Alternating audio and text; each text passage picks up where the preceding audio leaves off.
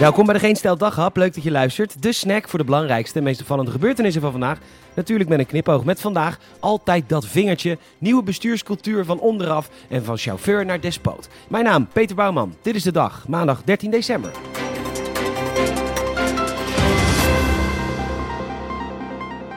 Echt super lekker hoor. Chocolade waarvan je weet dat het niet door slaven is gemaakt. Maar dat bedweterige gelul van Tony Chocoloni. Hun adventskalender bevatte geen chocola op 8 december. Om mensen te wijzen op de problemen in het chocoladewezen. Kinderen vooral in dit geval, want dat is toch de primaire doelgroep van zo'n kalender. Kinderen waarvan de ouders bovendien al de Tony Chocoloni adventskalender hebben gekocht. Alsof je een 3 sterren beter leven kipfilet koopt van 7,33 euro.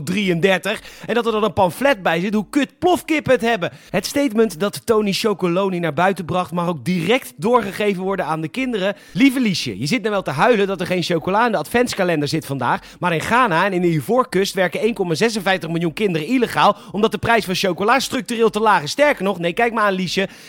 30.000 volwassenen en kinderen worden gedwongen om te werken. Jij niet voor deze chocolade, want ik heb 12,99 euro betaald voor 24 kaarten kutchocolaatjes. Maar al dat andere chocolade is gemaakt door slaven, Liesje. Eet smakelijk! De nieuwe bestuurscultuur. Ik moet zeggen, ik was sceptisch, maar er is nu hoop. Want als die menselijke maat van beneden naar boven doorcijbelt, dan hebben we iets te pakken. In Huizen werd afgelopen weekend door agenten gecontroleerd op de mondkapjesplicht. Eén iemand had geen mondkapje op in een winkel en direct werd er een bon uitgeschreven. Oude bestuurscultuur, waar is de menselijke maat? Nou, dat dachten de agenten dus zelf ook en ze komen op hun beslissing terug. Ze vonden zichzelf te hard, dat is te lezen bij NH Nieuws. Ze hebben de bon verscheurd met de connotatie dat we de coronacrisis met ons allen moeten oplossen. We daarbij ook op u rekenen, schrijft de politie. Maar stel je voor dat dit via een politieagent naar de politieleiding gaat en via wat topambtenaren ook bij Hugo de Jonge komt. Dat hij opeens sorry zegt als er een verkeerde beslissing is genomen of dat hij technisch gezien wel gelijk had, maar dat de uitvoering misschien wat te wensen overliet. Als de nieuwe bestuurscultuur van beneden naar boven gaat, gaan we een mooie toekomst tegemoet. Amsterdamse taxichauffeurs houdt hoop.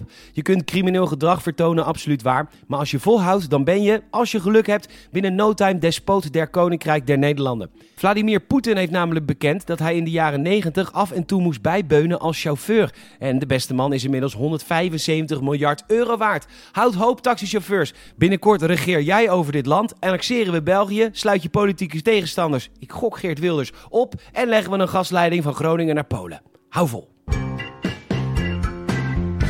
Qua corona-aanpak kijken we natuurlijk altijd naar andere landen. En als het dan in een bepaald land goed gaat, dan zeggen we met ons allen: ja, zie je wel, de aanpak in dat land is beter, want daar gaan ze open.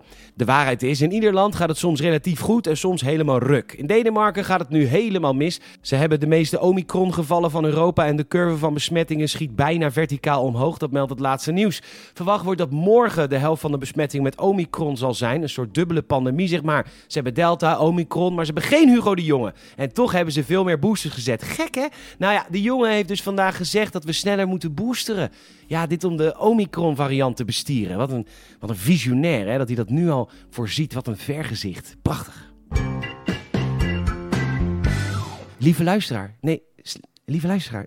Nee, stop eens, stop even, stop even. Stop nou. Stop even. Ze heet Kelly Piquet. Ja, ja, dat is inderdaad een hele mooie vrouw. En je schrijft het uh, P-I-Q-U-E-T. Dat is uh, Braziliaans. Dus schrijf even op P-I-Q-U-E-T.